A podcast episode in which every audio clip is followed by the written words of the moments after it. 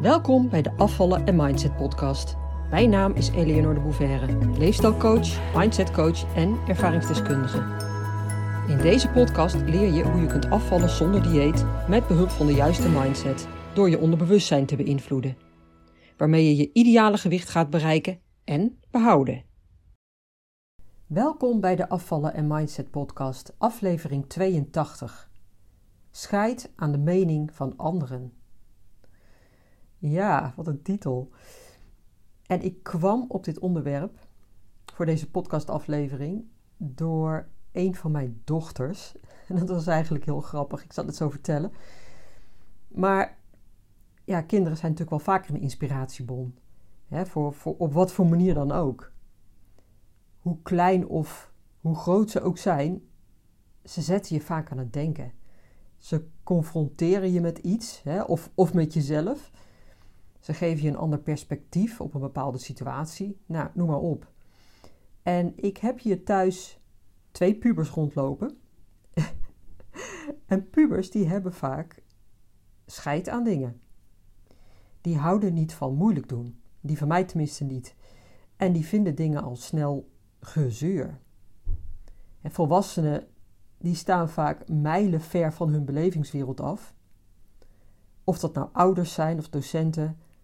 Maar je merkt gewoon heel erg die leeftijdskloof. En dat kan soms lastig zijn of irritant. Maar ik vind het vooral vaak heel erg grappig. ja, en vaak brengt het me ook weer even terug naar mijn eigen tienerjaren. Tot de leeftijd van 15. Waarin ik heel erg recalcitrant was. Mijn moeder noemde mij recalcitrant en ik vond het altijd zo'n raar woord. En ik snapte trouwens ook niks van mijn ouders. Die in mijn ogen ook altijd aan het zeuren waren. Ruim je kamer op. Heb je je huiswerk al gemaakt? Doe dit, doe dat. Nou, dat allemaal. En mijn middelste dochter van 18, die liep door het huis met twee verschillende badslippers. En ze is best wel een chaotisch typeje. Ze vergeet dingen, is vaak spullen kwijt. En op haar kamer is het heel vaak een teringbende. En dan ben ik dus inderdaad elke keer die zeurende moeder die haar zegt dat ze haar kamer moet opruimen. He, nou, dat dus. En nu was ze dus kennelijk twee slippers van twee verschillende paren kwijt. Maar gelukkig waren dat van de ene de linker en van die ander de rechter. Zodat de overgebleven slippers gewoon nog samen te dragen waren. Hè? En dat het er een beetje apart uitzag. Ja, boeien. en nou maakt het mij natuurlijk ook niks uit. Zeker hier in huis niet. Ik vind het gewoon grappig. Maar ook wel interessant. Want ook als ze die twee verschillende slippers wel buitenshuis zou dragen, ja, so what? Wat als andere mensen daar wat van vinden? Waarom zou je dat überhaupt aan moeten trekken? want iedereen mag zijn of haar ding doen of zijn of haar mening hebben.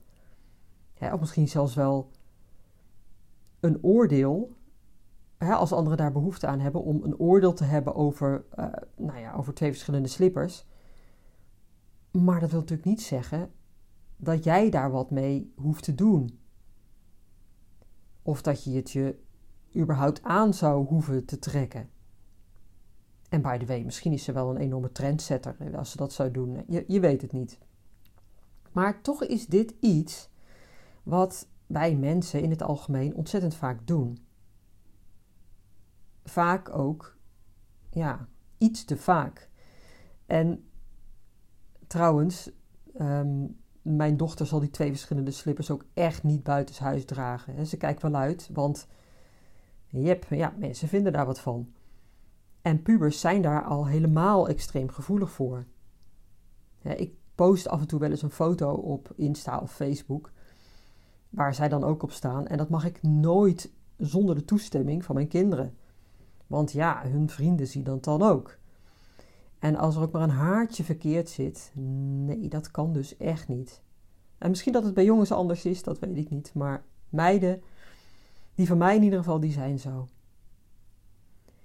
Waarom trekken wij ons de mening van anderen zoveel aan? Waarom tillen we daar zo zwaar aan? Waarom kunnen we niet gewoon zeggen: uh, prima dat jij dat vindt van mij, maar dat is jouw oordeel en dat laat ik lekker bij jou. Ik hoef daar helemaal niets mee. Waarom kunnen we over het algemeen genomen niet veel meer scheid hebben aan wat anderen van ons vinden? Van wat we doen, wat we denken, welke keuzes we maken. Dat zou toch helemaal niet hoeven? En waarom ik dit onderwerp in deze podcast wilde bespreken, is omdat dit ook iets is wat van grote invloed is of kan zijn op je relatie met eten, op hoe je met eten omgaat. En indirect ook vaak op je gewicht. Op de overtollige kilo's misschien wel die je met je meedraagt. Want stel je voor dat het je helemaal niet zou uitmaken wat anderen denken of vinden. Wat maakt het dan uit dat je nee verkoopt aan je vriendin bij wie je op verjaardagsvisite bent en die jou wil laten kiezen uit drie verschillende overheerlijke taarten die ze ook nog eens zelf gebakken heeft. Ik hoor heel vaak van klanten van mij die dat eigenlijk helemaal niet willen, maar dan die keuze maken voor de ander, voor die vriendin dus, hè, in dit voorbeeld. Of een ander voorbeeldje, je gaat uit eten Ehm, met je collega's of vrienden of familie. En vaak passen mensen zich dan aan aan de situatie of aan hun tafelgenoten. als zij een toetje nemen, ja, dan kan ik niet achterblijven. Of ook zo eentje, om opmerkingen van anderen te vermijden, bestel ik maar geen salade of eet ik maar gewoon frietjes mee, want anders vinden ze wat van me. Als je een gezin hebt, pas je je ook vaak aan aan wat anderen lekker vinden. He, vrouw, vrouwen hebben daar een handje van. En eigenlijk is dit dus please gedrag. Als moeder wil je het vaak je kinderen naar de zin maken, vaak misschien ook wel je man. En pas je je dus aan aan wat zij willen. Eet je ook maar pasta, terwijl je misschien eigenlijk dat eigenlijk misschien niet eens lekker vindt. Of je wilt niet apart koken. Als een soort voorbeeldfunctie die je naar je kids hebt. Hè? Eten wat de pot schaft. Of je vindt het gewoon te veel gedoe. Wat je vaak ook weer als een excuus kunt gebruiken om niet te, niet te doen wat je eigenlijk wel wilt. En dan is het dus een vorm van zelfsabotage. En wat trouwens betreft die voorbeeldfunctie, wat ik regelmatig hoor van moeders met kleine kinderen, is dat ze zich verplicht voelen om ook te ontbijten s'morgens. Want ja, je moet toch het goede voorbeeld geven. En eigenlijk hebben ze dan totaal geen trek, hè, als moeder dan. En uh, dan vraagt je lichaam dus ook niet om voedsel, maar toch eet je dan mee met je kinderen. En nu is dit nog wel een dingetje wat ik heel goed begrijp. Hè? Zeker als je moeilijke eters hebt. Dus als je kinderen moeilijke eters zijn. Want je bent als ouder ook een voorbeeld voor je kinderen. Zeker als ze zo klein zijn. Maar vraag je, dan eens, vraag je jezelf dan eens af in hoeverre je jezelf nog meer wegcijfert. want in andere situaties doe je dat waarschijnlijk ook.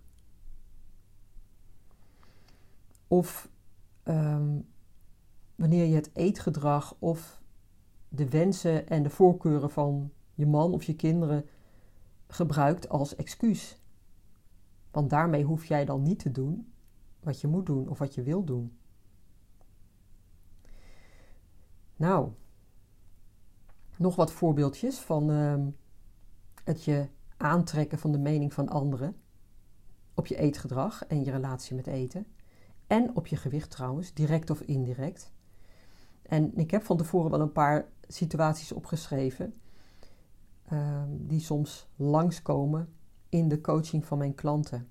Nou,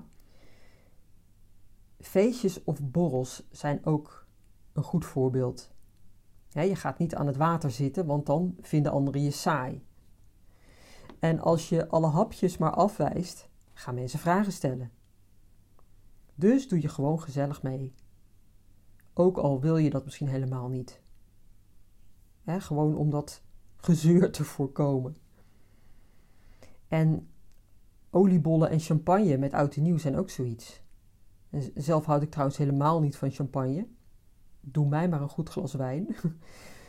en hmm, als ik dat in mijn handen geduwd zou krijgen, zou ik er ook geen slok van nemen. Oliebollen vind ik dan weer wel lekker, maar niet midden in de nacht, want dan slaap ik daarna niet. En dit hoor ik trouwens ook vaker. Hè? Eten laat op de avond voelt eigenlijk helemaal niet fijn. Je lijf reageert erop, hè? dat wordt wakker en alles in jou, jouw hele systeem, wordt in werking gezet. Hè? Je spijsvertering, alles. Terwijl je je eigenlijk wilt opmaken voor de nacht. En vervolgens slaap je dan heel onrustig. Maar toch pak je het dan maar, want iedereen doet het. Of ze zeggen toe, pak er nog eentje, doe niet zo ongezellig. En eigenlijk verbaas ik me er al mijn hele leven over hoe makkelijk mensen dit over het algemeen accepteren. Want wat er werkelijk gebeurt, is dat iemand anders hen iets opdringt. Hè, of jou iets opdringt. Jij moet doen wat hij of zij wil. Jij moet passen in zijn of haar plaatje. En dat is dan bijvoorbeeld: je bent ongezellig als je niets pakt. Hoezo? Dat is toch bizar als je erover nadenkt. Maar los van wat die ander denkt of op jou probeert te projecteren, hoe komt het dat jij dat dan accepteert? Dat je daar zo makkelijk in meegaat? En even als voorbeeldje, hè, ik zeg niet dat je dat per se doet, maar heel veel mensen doen dat dus wel. En zijn zich daar niet eens zo van bewust. En dat is dus eigenlijk nog veel bijzonderder. De mening van anderen kan ook rechtstreeks invloed hebben op je gewicht. En misschien zelfs wel op hoe jij jezelf ziet en hoe je je voelt. Dat kan voortkomen uit wat je ouders vroeger tegen je zeiden, of vriendinnetjes, of een leerkracht. Ik kan me nog een, een leraar op de lagere school herinneren, die een klasgenootje, een, een was een beetje een mollig meisje, die hij uh, Miss Piggy noemde. Nou, en als je van een wat oudere generatie bent zoals ik, dan weet je misschien nog wel wie dat was uit de Muppet Show. Nou, en anders zou je het maar eens op moeten zoeken. Dat was, ja, ik vond het een hele leuke show op tv vroeger. Vooral trouwens die twee oude mannetjes op het balkon. maar daar gaat het nu niet om. Wel om dat varkentje, Miss Piggy. Die leraar, die noemde dat meisje dus steeds Miss Piggy. En tegenwoordig zouden ze daar, zouden ze daar waarschijnlijk wel wat voorzichtiger mee zijn op scholen. Maar oké. En ik heb mensen in mijn praktijk gehad die door dit soort voorvallen, ogenschijnlijk onschuldig, daardoor een overtuiging hadden ontwikkeld. Hè, ik ben dik. Ik, ik ben Miss Piggy, hè, in het voorbeeld wat ik net noemde. Ik ben mollig, bijvoorbeeld. En het kan goed zijn dat dat meisje, dat klasgenootje van mij, daar later ook last van heeft gekregen. Vaak is het natuurlijk vooral van wat ouders tegen hun kinderen zeggen en dan met name moeders tegen hun dochters. Uitspraken die je als oordelen opvat. Of in eerste instantie misschien nog niet eens, maar wel als de waarheid. En die dan rechtstreeks je onderbewustzijn ingaan. Die je als de waarheid opvat en van waaruit je gaat denken, voelen en doen. Zo schadelijk. En je bent je daar meestal niet eens van bewust. Tot je later, als je wat ouder bent, tegen problemen aanloopt. Probeert af te vallen en het lukt maar niet. of in dit voorbeeld, je saboteert jezelf met eten of met je gewicht. En je houdt dingen onbewust in stand die je helemaal niet wilt. En dan blijkt er dus zo'n overtuiging onder te liggen die je met de paplepel hebt meegekregen. Maar niet alleen de mening of het oordeel dat anderen vroeger over je hadden, ehm, kan van invloed zijn op jouw huidige gewicht.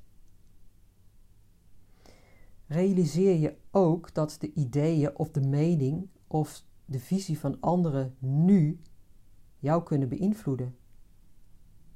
Meer dan je denkt, want dit gebeurt vaak heel erg op een onbewust niveau. Waarbij je je dus in meer of mindere mate aanpast aan hen en jezelf daarmee klein houdt. Omdat je niet volledig jezelf bent, niet doet wat jij werkelijk wilt, niet doet wat werkelijk bij jou past en wat jouw lijf wil en wat het nodig heeft. Wat vindt bijvoorbeeld jouw partner, als je die hebt, van jouw lichaam? Welke directe of misschien juist wel impliciete boodschap geeft hij of zij jou? zegt hij dat hij je mooi vindt, dat je goed bent zoals je bent, maar is er toch wel eens een indirecte opmerking dat het een onsje minder mag zijn? Of maakt hij een terloopse opmerking dat je op de foto toch wel een beetje een onderkin hebt? Of misschien wel helemaal niet met woorden, maar dat hij iets op een andere manier duidelijk aan jou probeert te maken. En wat trek je je aan van maatschappelijke normen?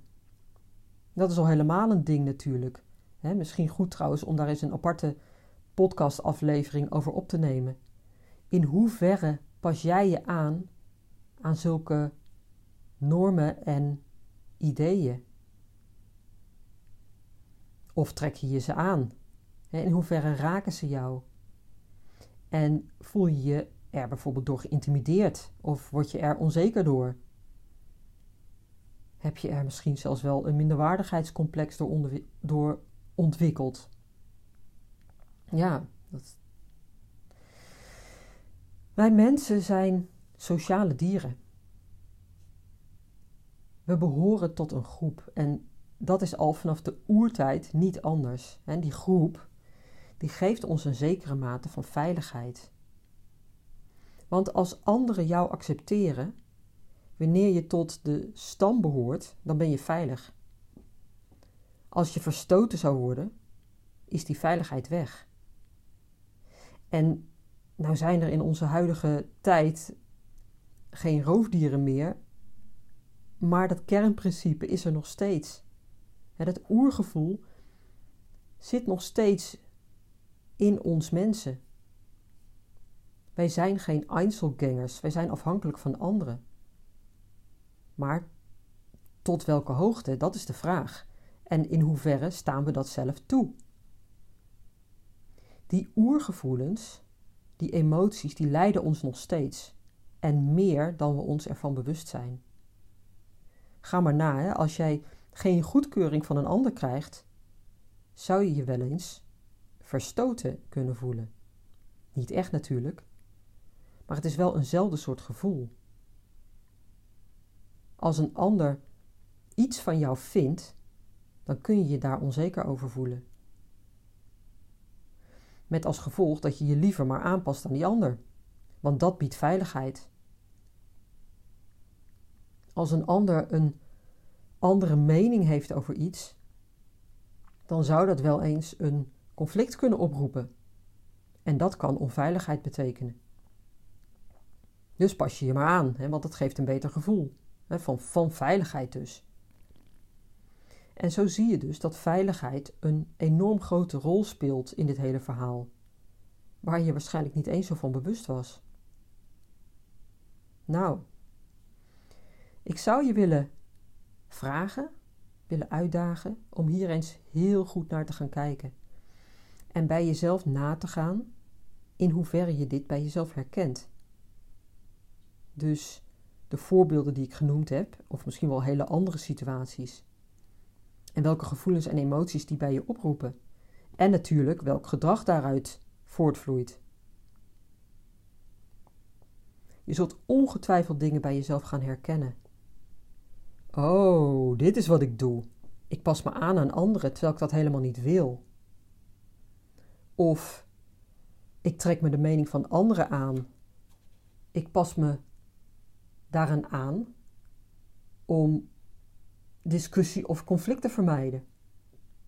Ik stel me in feite dus onderdanig op. Hè? Ik ben aan het pleasen ten koste van mezelf. Dus stel jezelf eens de volgende vragen. In hoeverre heb jij een eigen visie en mening? En sta je daar ook voor? En in hoeverre geef je jezelf weg?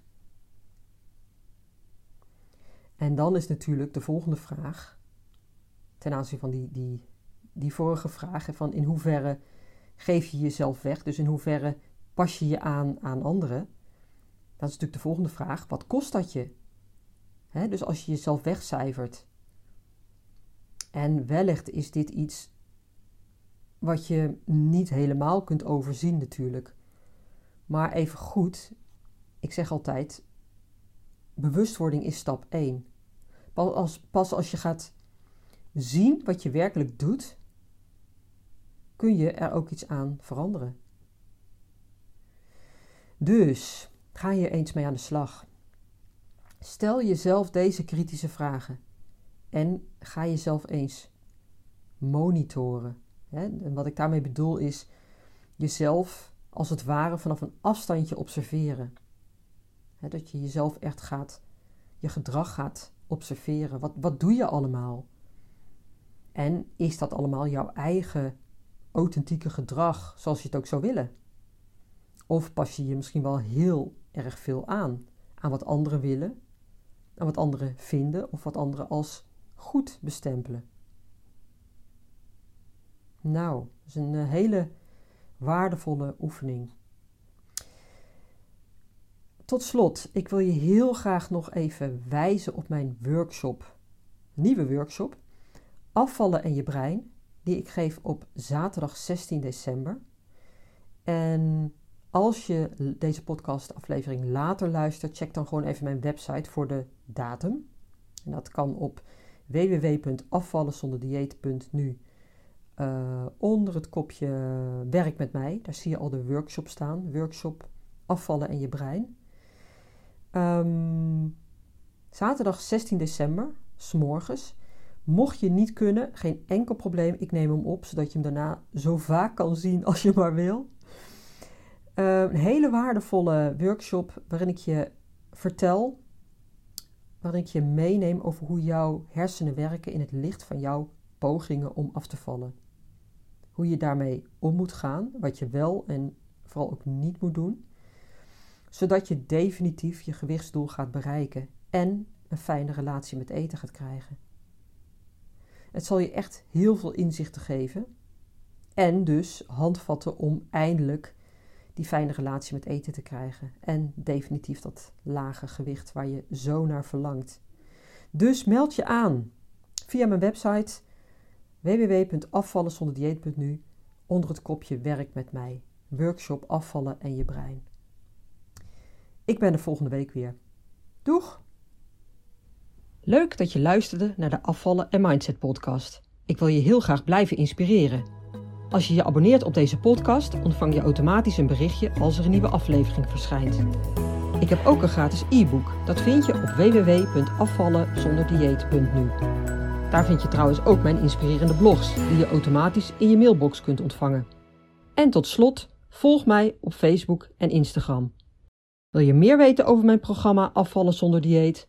Ga naar www.afvallenzonderdieet.nu.